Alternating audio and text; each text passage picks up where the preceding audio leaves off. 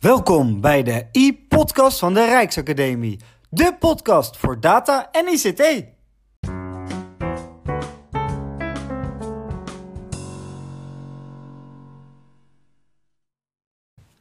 Welkom, dames en heren, bij alweer een nieuwe podcast van de Rijksacademie. Deze keer gaan we ons verdiepen in IT-vraagstukken. En daarvoor heb ik voor de verandering niet één, maar twee gasten uitgenodigd in de studio. Vandaag bij mij zijn Gandro en Jean-Charles. Welkom heren. Ja, dankjewel. Bedankt. Eh, hartstikke graag gedaan. Ik ben heel blij dat jullie er zijn, want dit is een onderwerp waarin ik eh, erg geïnteresseerd ben. Eh, maar voordat we nou echt de diepte in gaan, ben ik heel erg benieuwd naar jullie. Wie zijn jullie en wat doen jullie? Ja, mijn naam is Gandro Candia. Ik werk bij het ministerie van Economische Zaken en Klimaat en Landbouw, Natuur en Voedselkwaliteit. Het is een hele mond vol. Daar werk ik als enterprise architect en adviseur data en AI. Eh, daarnaast ben ik ook op de Rijksacademie als docent IT en ethiek. Kort afgekort tot ethiek. Kijk dus daar zit al de ICT-kennis waar we zo meer de diepte in gaan. En wie heb ik nog meer naast me zitten? Hoi, eh, Jean-Charles Niaboussore, vader van één en de tweede op komst. En ook ik ben eh, docent ICT en ethiek met Gandro. En eh, daarnaast ben ik ook nog eh, strategisch inkoopadviseur bij Rijkswaterstaat, CW. En ehm, ik mag eh, al die mooie matrixborden, onder andere die jullie langs de snelwegen zien, die mag ik inkopen.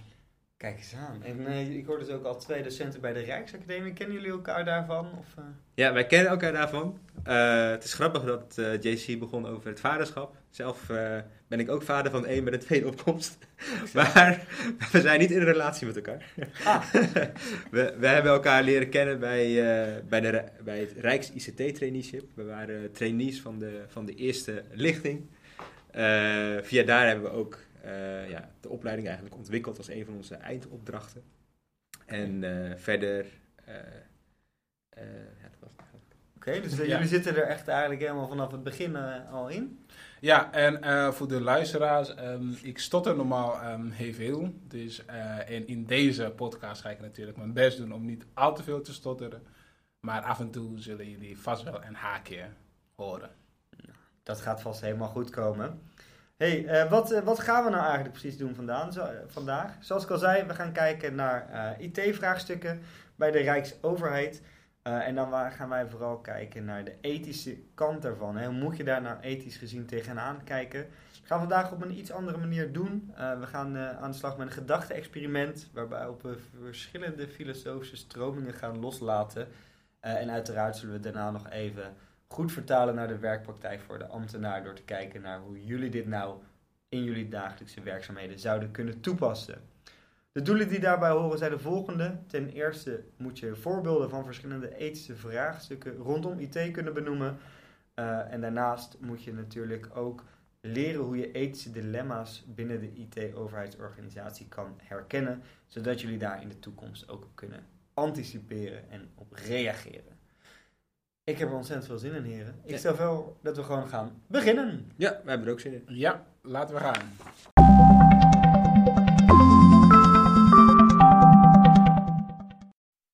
Wij zijn aangekomen in de volgende ronde. De ronde die heet het hem van het lijf. Waarin we de gasten van vandaag iets beter gaan leren kennen. Eh, ik heb voor jullie eh, heren eh, allebei een vraag eh, bedacht. eh, om jullie wat beter te leren kennen. Ik wil gaan beginnen met jou, eh, Sandro. De vraag is eigenlijk, wat zou jij hebben gedaan als jij niet in deze tak van sport terecht zou zijn gekomen? Dus een andere baan. Nou, eh, ik heb ook filosofie gestudeerd. En ik vond het altijd zo mooi hoe die, eh, hoe die professoren daar verhalen oreerden. Dus het zou, eh, als ik dan niet een ambtenaar zou geweest op het ministerie, kan ik mezelf nog wel eens voorstellen dat ik, ja, dat ik ook zo'n verdwaalde filosofieprofessor zou zijn op een universiteit. Die een En, beetje eh, urenlange monologen houdt in een collegezaal. eh. Ja. Eh, ik weet niet of ik het dan zou hebben over ethische dilemma's of over eh, allerlei andere sociale constructen. Maar eh, ja, het zou zomaar kunnen dat dat nog eens eh, een ambitie is voor mij. Oké, dus je weet komt het later nog. Ja. eh. Ja, zeker als ik wat ouder ben. Ja, En, en vaak min- docent zijn bij de Rijksacademie, blijven oefenen en dan, eh, ja, ja, ja. Ja, Ja, dus eigenlijk is jouw droom ergens al een beetje uitgekomen dan. Ja, ja nee, ik vind het hartstikke leuk om eh, inderdaad te doseren op de, op de Rijksacademie. Oké. En eh, Bij de Ja. Rijksacademie komen dromen uit. Dat vind ik een mooie, mooie eindboodschap om eh, door te gaan naar jou, eh Jean-Charles. Eh, want voor jou heb ik ook een, eh, vraag, eh, wel een iets andere. Eh, als jij ergens de beste van de wereld in had kunnen zijn, wat zou dat dan zijn geweest? Hmm. Ja, nou, eh, om, heel, om heel eerlijk te zijn, toen ik student was, wilde ik altijd ja, eh Usain Bolt verslaan. En ik ben ook naar Amerika gegaan. Ik kreeg een eh, scholarship, University of Illinois. En ja, ehm, nou, maar ja, ik, ik had gewoon niet de juiste genen om ja, eh, hem te verslaan. Ik had eh, zelfs een, met een vriend en een een weddenschap van als hij, ehm, eh, ja, we zaten in dezelfde studentenvereniging. En als hij bestuur zou gaan doen voor de studentenvereniging en ik zou de Olympische Spelen halen, dan eh, zouden we eh, elkaar trakteren op 50 bierkratjes. Nou, ehm, hij, heeft hij heeft het wel gered, Oh nee, maar eh, ik niet. dat is wel pijnlijk. 50 bierkratjes. eh. Ja, Oké, nou ja, zonder, jullie zien het natuurlijk niet luisteraar, maar je ziet er wel heel vet uit, eh, Jean-Charles. Dus eh, nou, wie weet ook nog in de toekomst eh, dat jij dit alsnog voor elkaar kan krijgen en alsnog die 50 bierkratjes wint. Al raad ik die dan wel weer af als eh, topatleet. eh. ja, hè? en Jean-Charles is vandaag komen fietsen vanaf Delft. Hè? Dus het zit er nog wel een beetje in. Ja, een klein beetje zit erin. nou, kijk jongens, ik heb een hoop geleerd en met eh, de, de atletiek eh, pro in spe en verdwaalde professor ga ik graag door Ja. naar de volgende ronde.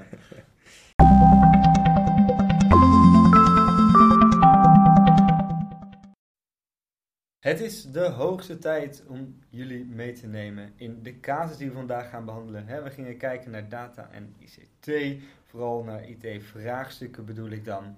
Eh, en daarvoor hebben jullie een casus meegenomen, als het goed is mannen. Ik ben heel erg benieuwd wat jullie met ons willen gaan bespreken vandaag. Ja, dus eh, we hebben inderdaad een casus meegenomen. Die gaat over de zelfrijdende auto in een eh, noodsituatie.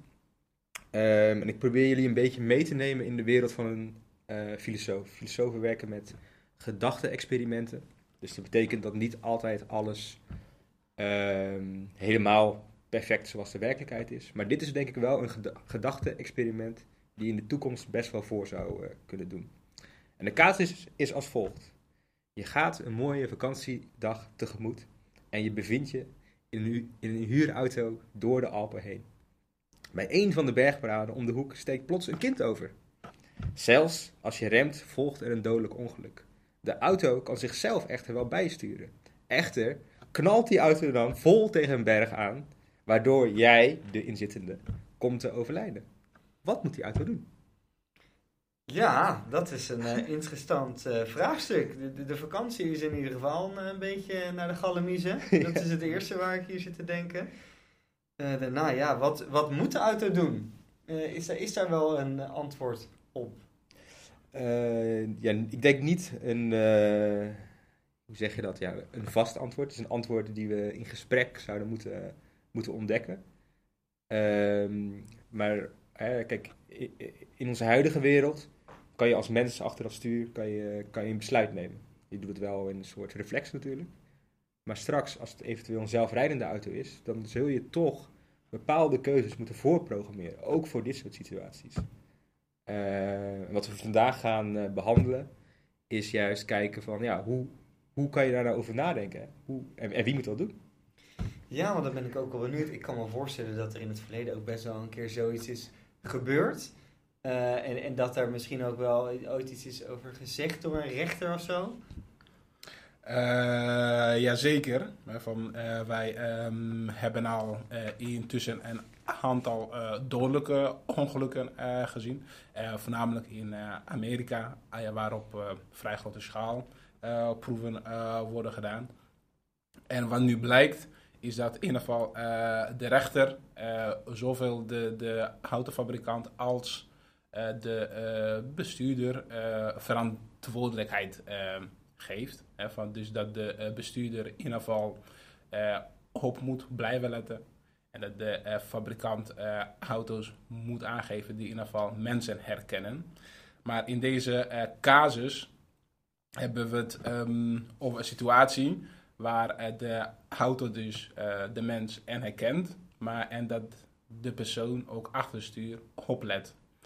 En dan moet er een keuze worden gemaakt.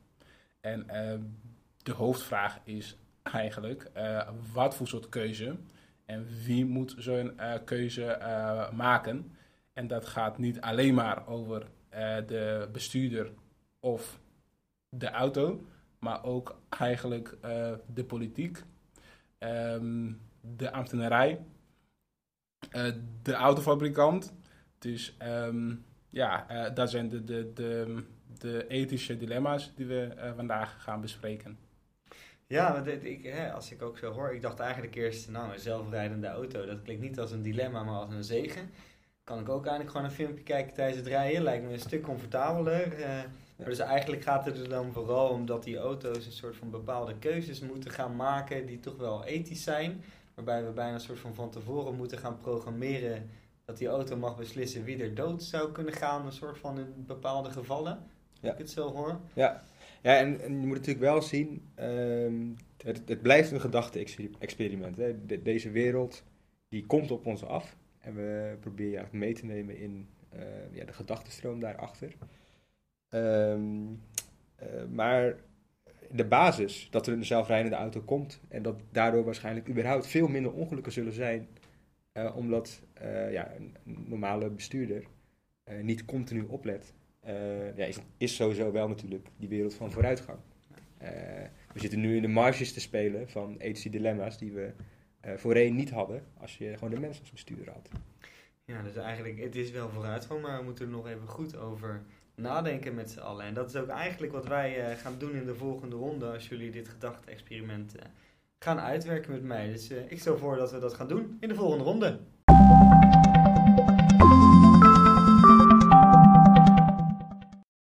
Dames en heren, wij zijn aangekomen in de ronde sectie reflectie. En in deze ronde gaan wij eens even kijken naar die casus. Eh, en dat gaan we doen, als ik het goed heb begrepen, aan de hand van een aantal filosofische stromingen. Die ons juist een beeld zouden moeten geven over hoe je nou naar zo'n casus zou kunnen kijken. Heb ik dat goed geformuleerd zo, heren? Ja, ja, ja. Eh, zijn nou sexy reflectie? Ik weet niet of die heel sexy gaat zijn hoor. Nou, ik heb alle vertrouwen in eh, de atleet en de verdwaalde professor. Dus eh, nee man, ik ben heel erg benieuwd. eh, Het ja, gaat over droge stoffen. droge stof. Nou, je maakt ze wel lekker enthousiast, luisteraar. Nee man, e- even serieus. Ik ben heel benieuwd. eh, een drietal stromingen, ja, brand los. Ja, je vroeg volgens mij in, de, in het vorige onderdeel van wat moet je nou doen in zo'n situatie met zelfrijdende auto's. Kijk, daar is gewoon niet een vast antwoord op te geven. Maar je zou wel eh, een drietal filosofische stromingen kunnen gebruiken om eh, proberen eh, de casus beter te begrijpen en ook om te, te kijken of te reflecteren naar het probleem. En een van die stromingen is het utilisme. En het utilisme gaat eigenlijk over ja, het genotsprincipe. Dus hetgeen wat je moet doen, dus de juiste morele keuze, is altijd de keuze die ervoor zorgt dat je het geluk voor de meeste mensen eh, maximaliseert, als het ware. En als je daar nou van uitgaat, nou, dan moet je eigenlijk zeggen, wat moet nou een zelfrijdende auto doen in een noodsituatie?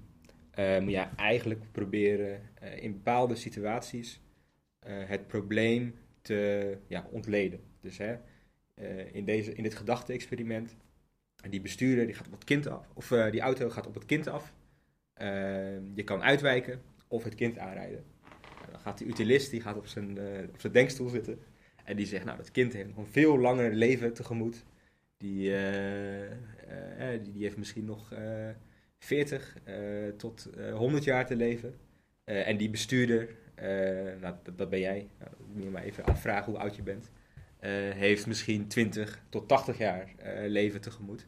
Dus, volgens de utilist, je moet dat kind redden. En, en dat is gewoon een weg om, eh, om daarnaar te kijken eigenlijk. Ja, dus dan maak je een soort van maatschappelijke kostenbaatanalyse.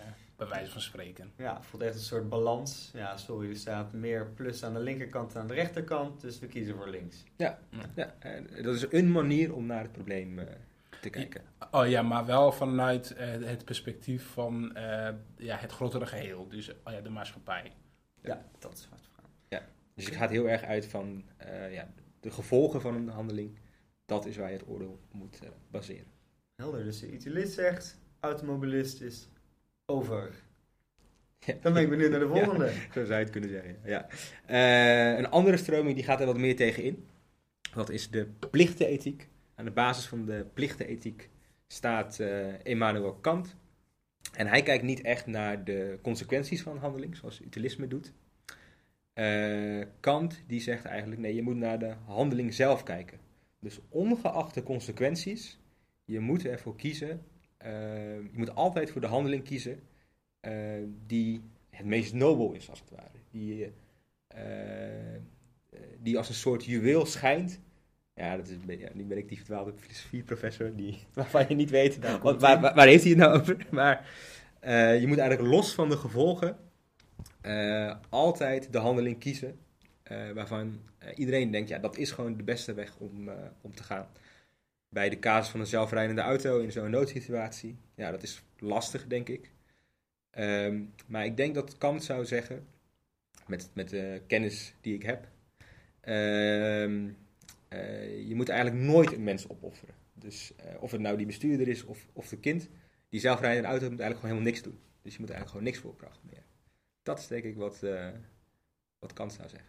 Het lijkt me Ja. wel een lastige hier, want ja, jullie hebben het over ja, wat, wat iedereen een beetje het juiste vindt. Je kijkt alleen naar de actie. Er zijn natuurlijk ook meerdere ideeën over kunnen hebben. Toch dat de een zegt, ja, het is ook nobel juist om misschien wel van de weg af te rijden en het kind het leven te sparen. Of, Ja, en precies. En daarvan zegt eh kan dan hè, van nou, ehm, de, ehm, er is een limiet van wat we eh, kunnen kennen. Dus, ehm, eh, dus het, het, het eh, beste is niet om te gaan speculeren eh, daarover, maar om vast te stellen dat je in geen enkele situatie het moreel verantwoord is om een mens op te offeren. En dat is trouwens jouw vraag was ook een mooie brug naar de derde stroming. En deze komt uit de klassieke oudheid, Aristoteles, de deugden ethiek. En ehm, in tegenstelling tot bijvoorbeeld de plichtethiek en het utilisme, wat, ehm, ja, wat die gaan ervan uit van eh, de, het goede is het tegenovergestelde, bij wijze van spreken van het eh, niet goede gaat de deugde ethiek ervan uit van moreel handelen, is de gulden een eh, middenweg vinden tussen twee extremen. Ja, dus tussen twee ondeugden. En eh, dat is een groot grijs eh, gebied. En dus in eh, dit geval zou bijvoorbeeld zo'n zelfrijdende auto in elk situatie die per definitie uniek is, een heel andere benadering kiezen. En dat klinkt natuurlijk lekker vaag hè? En, en, en onbegrijpelijk. Maar eh, het idee achter de eh, deugden eh, is, is dus dat je ehm, in elke situatie een unieke overweging moet maken tussen ja, twee extremen in. In dit, in dit geval ja, eh, mensenleven opofferen. En ehm, de manier om dat eh, te doen is door eh, praktische ja, wijsheid eh, te vergaren. Nou, dat is ook weer zo'n vage begrip. En, ehm, maar het gaat erom dat je dus in elke situatie een, een, ja, een overweging moet maken. En als je ehm, vaker zo'n situatie meemaakt, zul je, als het goed is, steeds een betere eh, besluit eh, moeten gaan maken. En in dit geval zal dus in het ene geval er zal een auto ja, de bestuurder opofferen. En in een ander geval juist niet. Het is juist heel erg situatieafhankelijk. Waar je echt eh, ja, op zoek gaat, je zei het dan, naar die gulden middenweg. Van wat past precies hiervoor bij deze situatie. En daarbij gaat de deugdenethiek eh, er inderdaad vanuit. Je moet echt kijken naar die praktische wijsheid. Dus wat Jean-Charles eh, net ook zei. eh, met vallen en opstaan weet jij uiteindelijk in elke situatie een betere keuze te maken. En je zou ook, als je dan meer IT relateert, een algoritme dat zichzelf steeds verbetert, zou dus ook uiteindelijk eh, een steeds deugdelijker algoritme kunnen worden. Zo zou je kunnen zeggen. Ik wilde inderdaad wel net vragen hoe vertalen we dit dan naar die auto, maar dan zou je dus inderdaad zeggen dat je die auto een soort van moet aanleren. Dus door al deze keren te oefenen, Om te leren, ja. ja. Ja, en ook de feedback van de samenleving op keuzes weer terug te reflecteren. En zo zou je dus eh, uiteindelijk eh, misschien een algoritme kunnen hebben waar eh, ja, heel blij mee zullen zijn. Ik weet het niet. Die auto klinkt slimmer dan ik, joh, als ik het zo hoor op een gegeven moment. Oké, nou even korte samenvattingen. Ik heb dus eh, drie stromingen gehoord. Allereerst hè, het, eh, het utilisme, waar we het eigenlijk gewoon eh, over een soort van balans hebben. Ja, waar de meeste plusjes staan, of de- ja, daar, daar gaan we voor. Want daar is het meeste genot voor de hele maatschappij. Dan hadden we dus nog die plichtethiek, hè, waar het juist gaat om je moet kijken wat jouw plicht is. Hè, of wat je juist niet mag doen. Dus kan bijvoorbeeld zeggen, je mag geen mens opofferen. Het kan niet. Dan hebben we tot slot ook nog de deugdethiek, hè, waar de, de afweging gaat wat is goed en wat is fout. En je moet altijd op zoek gaan naar die gulden middenweg. Ja. En eigenlijk zijn dat dus een aantal manieren waarop wij dus hè, kunnen kijken naar de IT-vraagstukken waar we nu aan staan en waar we in de toekomst nog aan gaan zullen staan. Wij ambtenaren. Zeker. Helder. Nou, ik, ik vond het mooie ideeën. Ik, eh, ik, ik, zou, ik zou bij god niet weten wat ik zou eh, doen als ik in die auto zit. Je zou natuurlijk altijd zeggen, Nobel, nou ik rij wel van de berg af, maar eh, je weet het helaas nooit. Nou, La- nou, eh, sterker nog, ehm, ja, er verschillende onderzoeken eh, zijn, zijn daarin gedaan. Hè? En daarin, eh, ja, het wordt wel, ook wel de bestuurdersparadox genoemd. Dus eh, iedereen wil heel graag dat ehm, de rest in een eh, nobele eh, auto rijdt. Die dus de, ja, de, de, de maatschappelijke, de, ja, de grootste maatschappelijke bijdrage levert. Dus bij wijze van spreken ehm, je jezelf opofferen om een groep kinderen te redden. En wat blijkt, tenzij je zelf in de auto rijdt, en dan wil je wel dat die jou beschermt. Ten koste van bijvoorbeeld die groep kinderen. nou, en op deze vrolijke, egocentrische noot eh, denk ik dat het tijd is om door te gaan naar de volgende ronde.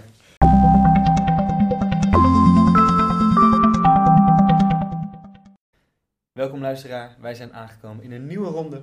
En in deze ronde eh, wil ik toch graag even die vertaling naar de praktijk maken. Hè? Want ik heb erg genoten van ons gedachte-experiment in de filosofische stromingen, hè, de bestuurdersparadox. Eh, maar ik kan ook voorstellen dat sommige luisteraars nu denken, ja, dit is interessant, maar misschien nog een beetje vaag. Ik, ik, ben, nou- werk in de ambtenarij. Wat moet ik hier nou mee in de praktijk? Hoe kan ik dit nou toepassen? Ja, ik, ik, hè, je vraagt natuurlijk wel weer aan een verdwaalde professor eh, wat, wat je nou in de praktijk moet doen. maar als ik er nou even vanuit mijn ambtenarenfunctie eh, bekijk. Jean-Charles die had het net over die bestuurdersparadox. Dus ehm, je moet eigenlijk een beetje denken in de zin van... wat nou als je nou een autofabrikant bent? Wat is dan het juiste om te doen of het beste? Ja, je zou eh, het liefst zoveel mogelijk winst maken. Dus voor... ehm, eh, autofabrikanten is het juist heel erg interessant om auto's of zelfrijdende auto's te produceren die altijd de bestuurder beschermt. Want dat zal waarschijnlijk het best verkopen. Als je echter dat gaat doen, eh, ja, dan heb je ook situaties waarin je bijvoorbeeld, nou ja, je rijdt met een zelfrijdende auto, je komt weer dat bergpaadje op en ditmaal is het niet één kind, maar je hebt een groep kinderen die, eh, die zitten spelen, die rennen achter een bal aan. Eh, we- ja, ga je dan die groep kinderen opofferen? Nou, als wij dat als overheid niet willen, of eh, als samenleving niet, dan moeten we daar wel echt een dialoog over aangaan. Dus in de praktijk, wat heb je eraan? Nou, gewoon überhaupt dat je er daarvan bewust bent. Dat wij als, vanuit de politiek daar keuze over moeten maken. Dat als de politiek daar eh, het debat over voert, dat wij als eh, ambtenaren eh, die dialoog goed interpreteren dat we in gesprek blijven met de samenleving hierover. En dat je dus niet alles bijvoorbeeld alleen aan de markt overlaat. Hè? Ehm, als we daar een mening over hebben, dan vind ik, ja, je moet je niet allemaal laten overkomen. Je zal daar ook in een, een sturende rol in kunnen nemen als overheid zijn.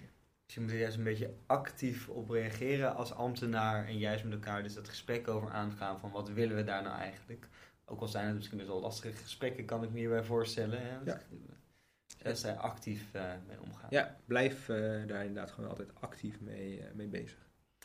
Oké, en eh, hoe vertaalt zich dat dan naar die drie stromingen hè, die we net hebben bekeken? Ja, nou, ehm, ja, dat is een goede vraag. Hè, van, en zoals je al ieder had aangegeven, van intuïtief, als je zo'n ehm, morele, ethische dilemma krijgt, dan, ehm, dan eh, voelt er iets van, ja, ik zou mezelf bijvoorbeeld opofferen door de ravijn in te rijden, eh, bijvoorbeeld. Dus je, je, je, je hebt een onderbuikgevoel van dat is moreel verantwoord om te doen, om die en die reden. En die drie ethische stromingen, ja, die, eh, dat zijn handvaten om jouw onderbuikgevoel een stem te geven. Want eh, ja, wat je eh, ziet is dat jij niet alleen een onderbuikgevoel hebt, maar andere mensen ook, de autofabrikant ook, het kind ook, in dit geval. En, eh, en die drie ethische stromingen zijn dus soort van tools die je kunt gebruiken om met elkaar het gesprek ehm, aan te gaan. En eh, daarmee eh, hopelijk van elkaar te leren. Van dat je bij wijze van spreken ehm, eh, begrijpt dat iemand anders die een andere keuze zou willen maken. En niet per se egoïstisch is of gek. Maar vanuit een andere ja, een onderbuikgevoel redeneert. Ah ja, dus als ik het goed begrijp, is wat jullie eigenlijk zeggen, is dat die ambtenaren dus eigenlijk echt eh, juist vanuit meerdere perspectieven moeten gaan kijken en met elkaar het gesprek aan kunnen gaan over dus die verschillende IT-vraagstukken. En jij, jij noemt het onderbuikgevoel, maar juist dus vanuit die verschillende onderbuikgevoelen kijken van hè, wat denken we dan? Ja, vanuit die verschillende stromingen kunnen ze dan inderdaad eh, verschillende perspectieven aan het licht krijgen. En, we geven nu bijvoorbeeld, hè, het gaat nu over die, eh, die zelfrijdende auto. Maar als je kijkt naar eh, deze wereld, de, wereld van ICT en ethiek, eh, dit is maar één voorbeeld. Eh, andere dilemma's die bijvoorbeeld spelen, eh, is bijvoorbeeld in hoeverre mogen overheden burgers bespieden om de nationale veiligheid te waarborgen. Ook hierover kan je eh, het gesprek aangaan. Of moet de Nederlandse overheid de corona-app verplicht stellen in een code zwart situatie bij ziekenhuizen? Moeten we dat dan ineens allemaal verplicht gaan installeren? Het, het gaat erom dat je dus eh, ja, die stromingen gebruikt om na te denken over deze vragen, maar ook eh, steeds beter weet te herkennen wanneer eh, dit soort vraagstukken relevant worden om een, een maatschappelijk dialoog over aan te gaan. Ja, nou je geeft wel aan om hier eh, een dialoog over aan te gaan en dat je dat dan kan herkennen. Maar ben ik ook wel benieuwd. Ja, hoe, hoe herken je dit nou? Ik ben die ambtenaar die hier zit en eh, ja, ik hoor allemaal dingen op werk, maar hoe herken ik nou dat hier een soort ethisch dilemma ten grondslag ligt aan een IT-vraagstuk? Ja, ja eh, het is wel grappig. Ja, Bo, Bo die vroeg deze vraag ook al voor de podcast. en toen zei ik eigenlijk, ja, dit is niet een soort van checklist. Hè? Dus het is denk ik, het is echt gewoon een gevoelskwestie. Dus we kunnen niet een checklistje hebben van, oké, nu hebben we een, een ethisch dilemma. Eh, het voorbeeld dat ik wel eens gebruik is, eh, wanneer het voor jezelf heel erg ongemakkelijk wordt, of heel, eh, om bijvoorbeeld je keuzes in je werk te verantwoorden op een verjaardagsfeestje. Dus wanneer je gewoon met, met vrienden bent of met familie.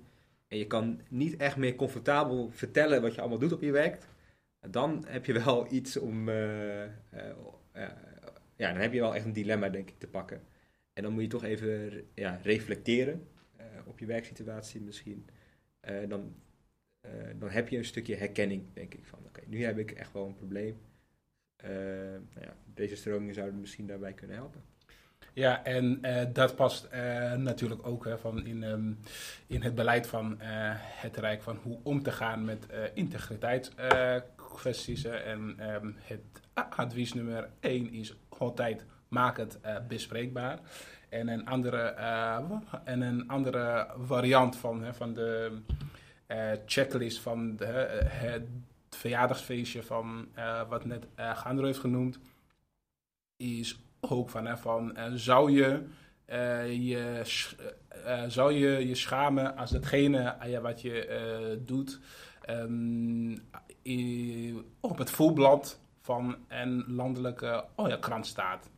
En als je het gevoel hebt van, nou, nou ik zou ehm, niet achter zo'n afweging staan als al mijn familie en vrienden gaan zien, nou, dat is dan een teken dat je even aan de bel moet trekken.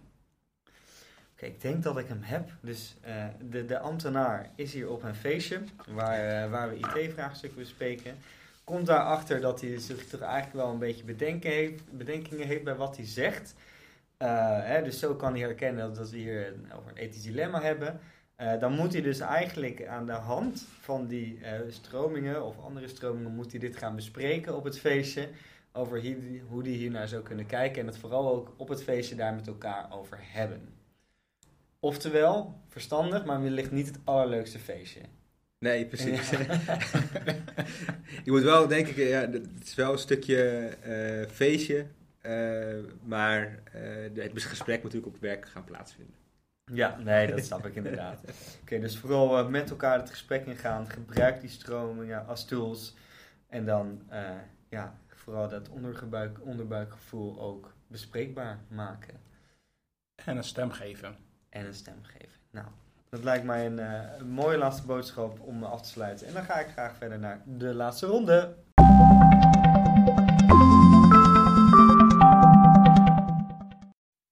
Wij zijn aangekomen bij de allerlaatste ronde, het emotionele einde. eh, waarin we toch nog even samen met jullie terug willen kijken op de podcast. Hè. We hebben een hoop dingen besproken. Het, het doel van deze podcast was natuurlijk dat jullie meer inzicht kregen in IT-vraagstukken. Eh, dat hebben we gedaan aan de hand van de casus van de zelfrijdende auto, hè, waarbij het vraagstuk vooral was: rij je nou het ravijn in of rij je toch dat kind aan? En hoe moeten wij daarin staan als ambtenaren? Nou, daar gaven jullie een aantal stromingen bij aan. Eh, het utilisme hadden we eerst, hè, waarbij het een soort van balance game werd hè, met kosten en baten. Daarna keken we naar de plichtethiek van Kant. Hè, wel- welke plicht heb je nou als mens? En daarna keken we naar de deugdethiek goed en kwaad en dan de gulden middenweg vinden. Jullie gaven al aan dat zijn eigenlijk tools die je als ambtenaar dus kunt inzetten om te kijken naar zo'n situatie. Hè? Want dat was wat je dus als ambtenaar ook kon doen. eh, aan de hand van die stroming een situatie bekijken. Maar vooral ook met elkaar juist dat gesprek daarover aangaan. Hè? Dat was het belangrijkste aan de hand van een onderbuikgevoel. Op de verjaardag, als het net een beetje te ongemakkelijk wordt om te vertellen, dan weet je nou, hier moeten we met elkaar dat gesprek over aangaan. Ja, ik ben juist ook wel heel erg benieuwd hoe jullie hier nou op terugkijken. Nou, ten eerste, ik vind het echt een hele mooie samenvatting. Dankjewel. Ehm, het gaat mij ook wel om dat deze podcast echt een glimp is van de, een glimp is van de wereld van IT en ethiek. Er zijn talloze voorbeelden en ook talloze antwoorden op dit soort ethische dilemma's. Eh, in deze podcast hebben we één casus behandeld, die van de zelfrijdende auto's, en inderdaad ook die ethische stromingen behandeld, zodat je ziet wat nou verschillende perspectieven erop zijn. Maar zoals je ook zei, het gesprek blijven aangaan is het belangrijkste. En als wij die lastige gesprekken blijven vermijden, dan blijft technologie ons ook overkomen. Als we het gesprek aanga- aangaan, dan blijven we als mens niet alleen achter het stuur in de auto, maar blijven we ook achter het stuur in de vormgeving van de wereld van morgen. Wat een prachtig, poëtisch einde. Eh, dat is zo mooi dat ik hem daar ook gewoon mee aan wil afsluiten, heren. Eh Ganro, Jean-Charles, heel erg bedankt voor jullie tijd en jullie input. Eh, ik heb er in ieder geval een hoop van geleerd. En eh, ik hoop onze luisteraar ook. Dus eh, luisteraar, bedankt voor het luisteren. En eh, we horen jullie weer bij de volgende.